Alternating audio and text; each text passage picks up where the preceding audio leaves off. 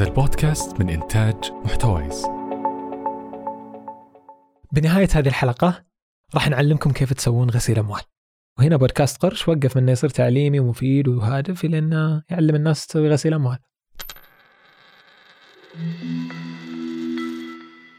من مكاين الخياطة وحتى تحيزات الاقتصاد السلوكي أنا حسين علي وهذا بودكاست قرش. البودكاست اللي نستعرض فيه التجارب والقصص وأحيانا الهفوات وأحيانا البقعات ونفسرها بعين اقتصادية لأن الاقتصاد أكثر من الريالات نوفرها بجيوبنا. بعرفكم اليوم على مفهوم اقتصادي وهو جريمة قانونية في نفس الوقت. حلقة اليوم نتعرف فيها على غسيل الأموال أو البعض يسمونه تبييض الأموال. تختلف المسميات ولكن في النهاية هي نفس المعنى. أتمنى لكم استماع ممتع. وبالمناسبة هذه الحلقة برعاية الجيل الخامس من زين. تقنية الجيل الخامس 5G من زين توفر أحدث معايير السرعة على الجوالات والأجهزة الذكية. التقنية تسد فجوة الاحتياج العالي للبيانات وتوسع نطاق تقنية الاتصال وبكذا تتعدى تقنية الجيل الرابع وبجدارة. تقنية الجيل الخامس 5G من زين عالم جديد.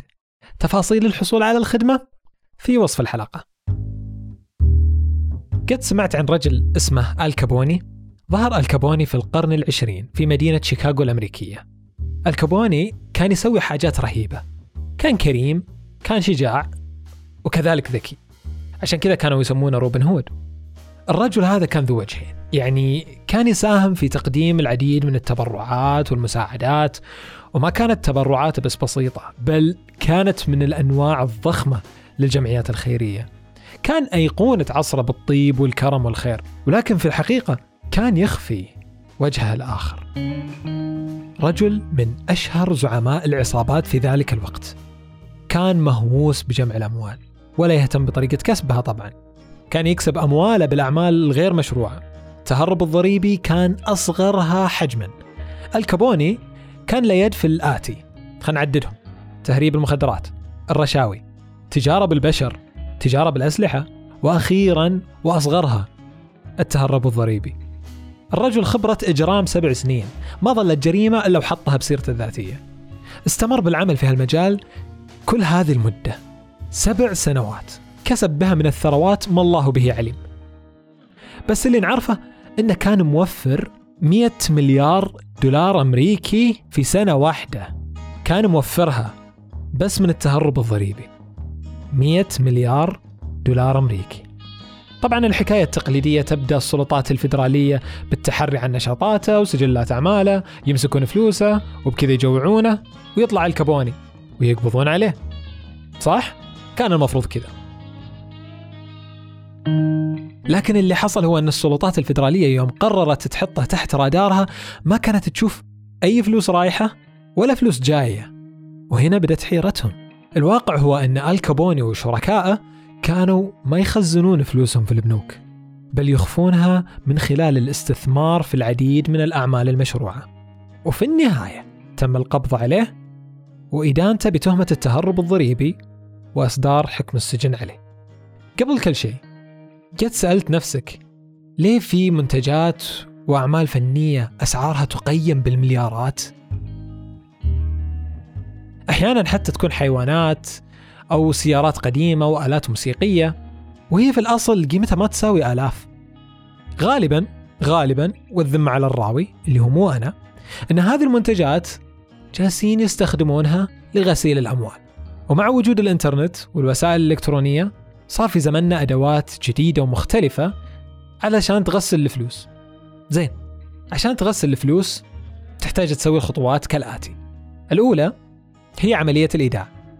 وهو وضع الأموال الغير مشروعة في حسابات بنكية مسجلة بأسماء شركات وهمية أو رجل أعمال متوسط الدخل.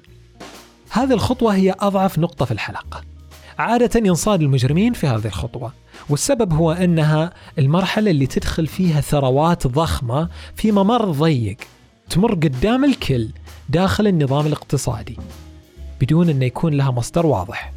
فغالبا إلا ما واحد في هذه السلسلة يجيب العيد وينكب الكل وينقفطون كلهم الخطوة الثانية في عملية غسيل الأموال يسمونها التمويه هذه المرحلة هي اللي نشوفها على شكل سيارات باهظة الثمن، أعمال فنية مبالغ في قيمتها، أو حتى عقارات وهمية. طبعا قبل ما يشترون المنتجات هذه يحولونها من شبكة ملخبطة من الحسابات البنكية. وكل حساب باسم شخص في مكان آخر في العالم. الفلوس تطلع من حساب من هنا وتنودع في حساب هناك وتنودع بعدين في حساب ثاني وكل حساب له مالك مختلف. وبكذا تنسى الفلوس إيش كان مصدرها. الخطوة الأخيرة في غسيل الأموال يا عزيزي هي التداخل. هي أنك تسمح للمال النظيف بالدخول إلى عالم الاقتصاد والبدء بالاستثمار في عمليات مشروعة.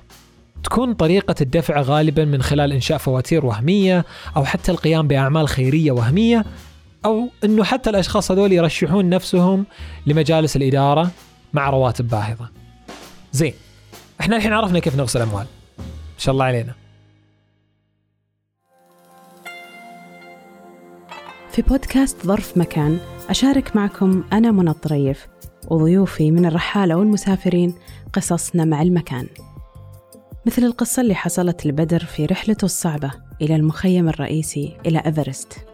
وقصة عمر لما جرب يعيش حياة المشردين. وغيرها من القصص اللي أثرت فينا والتجارب اللي غيرت نظرتنا للحياة.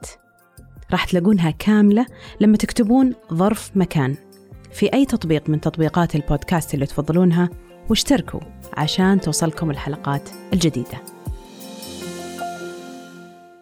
وين المشكلة لو أحد غسل فلوس ومشى فيها؟ خلني أقول لك وين المشكلة. انتشار عمليات غسيل الأموال في أي مجتمع تؤدي إلى أضرار منها زيادة معدلات الجريمة لأنه في الغالب هذه الفلوس ما راح تجي إلا من جرائم غير مشروعة. يعني ما أتوقع في أحد بيرضى أنك تكسب فلوس من مخدرات أو من قتل مأجور أو حتى من سرقة. اثنين تراجع قيم التعليم والثقافة في المجتمع. السبب أن نوعية الوظائف هذه ونوعية الدخل اللي تجي من هذه الأعمال غالبا تجي بشكل كسب سريع ولا تتطلب أي مؤهل علمي. فيصير سهل بالنسبة لأي شخص كسول أنه يحقق ثروة غير عادلة. طبعا بالإضافة إلى الانعكاس الاقتصادي الآخر اللي تعاني من الدول لأن عمليات غسل الأموال في أي دولة تزيد من انتشار اقتصادات الظل أو السوق السوداء. منها تطلع التستر التجاري وغيرها مما ينتج من تراجع النمو الاقتصادي طبعا ناهيك أن عمليات غسل الأموال تزيد من معدلات التضخم والسبب إنه إذا تتذكرون المنتجات اللي ما لها قيمة وفجأة صار لها قيمة سيارات، لوحات، عقارات، هذه قاعدة تدخل في الاقتصاد كأموال كبيرة في مكان واحد. في الأخير راح يحس السوق بوجود أموال كثيرة وراح يتفاعل معها بخلق تضخم. هذا التضخم في الغالب يصير في مجال محدد من القطاعات. هذا المجال المحدد هو اللي يكون فيه عمليات التستر.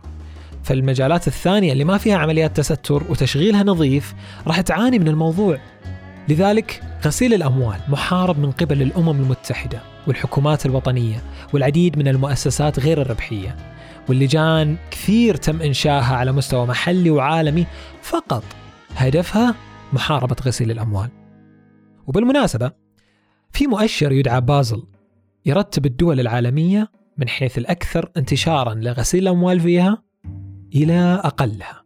أنصحكم تأخذون طلع عليه. طيب عرفنا اليوم بشكل عام إيش غسيل الأموال وكيف نغسل الفلوس من أصلها الإجرامي. وكيف يتم إدخالها عن طريق إيداع الأموال غير المشروعة باسم وهمي أو مشاريع وهمية؟ وبعدين التمويه واللي هي نحول الأموال من عدة حسابات وبعدها ندخلها من جديد في الاقتصاد على شكل استثمار.